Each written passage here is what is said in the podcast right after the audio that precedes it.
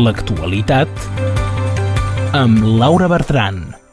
Per començar el nostre reportatge pels carrers de Perpinyà en la commemoració de la Diada de Catalunya Nord per commemorar el Tractat dels Pirineus signat el 7 de novembre del 1659, comencem amb els representants de les dues principals organitzacions que també organitzen la Diada a Catalunya Sud i que cada any el 7 de novembre venen a participar a la del Nord a Perpinyà, com són l'ANC amb la seva presidenta Dolors Feliu i Òmnium Cultural amb el seu president Xavier Antic.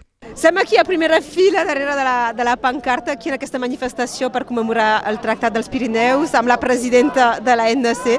Bon dia, primer. Hola, què tal? Bona tarda. Encantada d'estar aquí amb vosaltres. Cada any hi puja una representació important de, de l'ANC, a més de la delegació del Nord de participar-hi com coorganitzadora.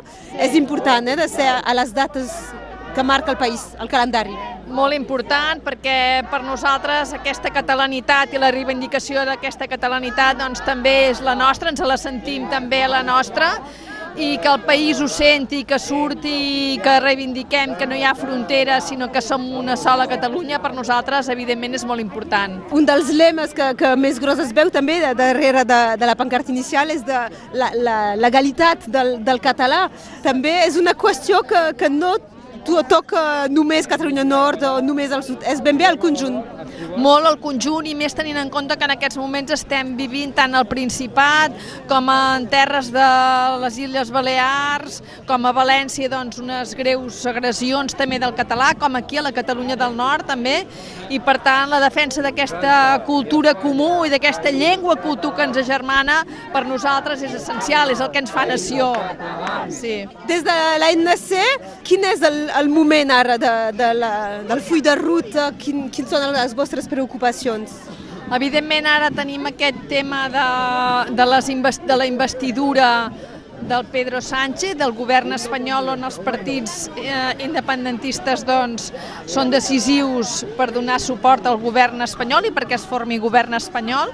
I s'està parlant doncs, de temes rellevants com amnistia, però també s'està rellevant, s'està parlant de temes de concepte, de temes de, del conflicte polític, ens preocupa doncs, que hi hagi renúncies a la unilateralitat i renúncies a la reivindicació de la independència per buscar una acomodació dintre de l'estat espanyol que sabem que no pot ser, que sabem que és impossible i per tant això realment és el que ens preocupa i el que hi ha ara sobre la taula en aquest moment. I eh, ja que abans parlàvem de, de l'oficialitat de, de la llengua, eh, seria un avançament o una cortina de fum que sigui oficial a Europa?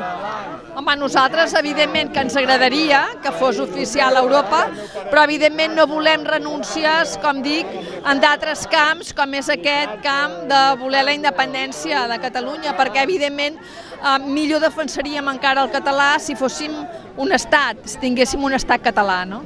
Fins aquí les explicacions de Dolors Feliu, presidenta de l'Assemblea Nacional Catalana, la NC. Sem dins d'aquesta manifestació de commemoració del Tractat dels Pirineus als carrers de, de Perpinyà i un any més, eh, a més de, per recolzar la gent de, del nord, també han vingut els representants d'Òmnium eh, Cultural de, del Principat de Catalunya i tenim el Xavier Antic amb nosaltres. Bon dia, bona tarda. Bona tarda, Laura, un plaer. Uh, un any més, doncs, per aquí, a Perpinyà, és important també de, de, de marcar dates comuns de la mateixa manera que l'11 de setembre ja n'havíem parlat, ha vingut algú de, del nord. Exacte, per nosaltres és molt important també de configurar una mica l'imaginari simbòlic de països catalans. Igual que vam tenir els companys de Òmnium Catalunya Nord a la Diada Nacional de Catalunya, per nosaltres era imprescindible i és una data assenyalada d'estar a la Diada de Catalunya Nord al costat d'Òmnium Catalunya Nord.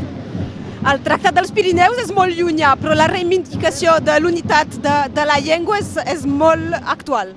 Continua sent igual, és el començament de tota la història negra fosca per la nostra nació i que abasta i afecta a coses que vivim al Principat i que viviu a la Catalunya Nord, que és l'atac sistemàtic tant de l'estat espanyol com francès que és incapaç d'assumir la pluralitat de la riquesa de la llengua i que no només no la permet amb el seu desplegament normalitzat, sinó que més prova d'erosionar-la, atacar-la i minoritzar-la, com de fet des del Tractat de Pirineus fan sistemàticament els dos estats. Per això per nosaltres és molt important aquesta aliança que és reforçar-nos en batalles que en el fons són les mateixes, que és la defensa de la dignitat de la llengua i també l'afavorir el seu ús social en una situació molt complexa, és complexa al Principat i és complexa a la Catalunya Nord, perquè l'aliança ens ajuda a nosaltres a enfortir-nos des de la Catalunya Nord i nosaltres ajudar en tota la batalla que la Catalunya Nord està desplegant des de sempre. No? Perquè cada un va a la seva velocitat, això és una evidència, cada territori fins i tot, eh, perquè podríem parlar de, de València o de, o de Balears, però eh, sí que el que es nota és que a nivell eh, de lleis i de, de judicialitzar el, el català aquí hi ha, hi ha com una unitat en contra.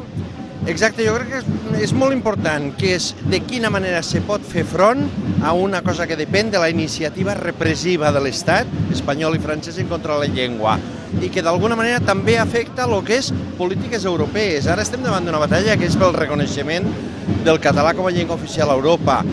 I nosaltres l'argument principal que estem utilitzant és que és una llengua de 10 milions de parlants i una llengua que afecta a quatre estats europeus i tres de la Unió Europea i és una batalla que en la mesura que siguem capaços, que ja ho estem fent, d'articular-la plegats, sempre té més possibilitats de victòria, no?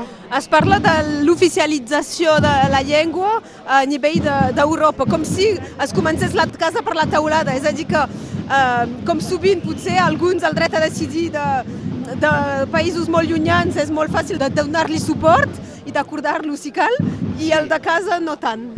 És, és com una batalla en un doble nivell, no? Hi ha una batalla que és un àmbit legislatiu tan important i tan macro, podríem dir-ne, com el de la Unió Europea, però això no ens pot fer oblidar que l'autèntic problema no és només del reconeixement de l'oficialitat de la llengua a la Unió Europea, sinó la batalla concreta que es lliura en problemàtiques molt específiques a cada territori.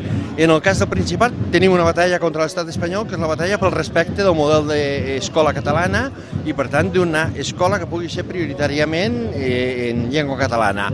A la Catalunya Nord una mica el problema de l'escola també està, és lliure d'una altra manera, però ara sobretot està en el reconeixement en els organismes polítics representatius com són els ajuntaments, que és un problema que no tenim al Principat, però que aquí sí. I per tant, per nosaltres sempre ho diem, la batalla de Catalunya Nord per poder expressar-se amb tota llibertat i plena normalitat en català en els consistoris, en els ajuntaments, és una batalla que és nostra també, en el sentit de que la batalla que esteu lliurant aquí en cada ajuntament és una batalla que afecta la llengua catalana i per tant en la que nosaltres hi hem de participar amb la consciència de que qui marca els ritmes, qui marca el territori, qui marca l'estratègia ha de ser Catalunya Nord. Però sempre hi estarem al costat perquè és una batalla nostra també. Xavi Antic, gràcies. Un plaer, Laura. Fins aquí les paraules de Xavi Antic, president d'Òmnium Cultural, i just abans era Dolors Feliu, la presidenta de l'ANC, pels carrers de Perpinyà durant la manifestació de dissabte passat per commemorar el Tractat dels Pirineus.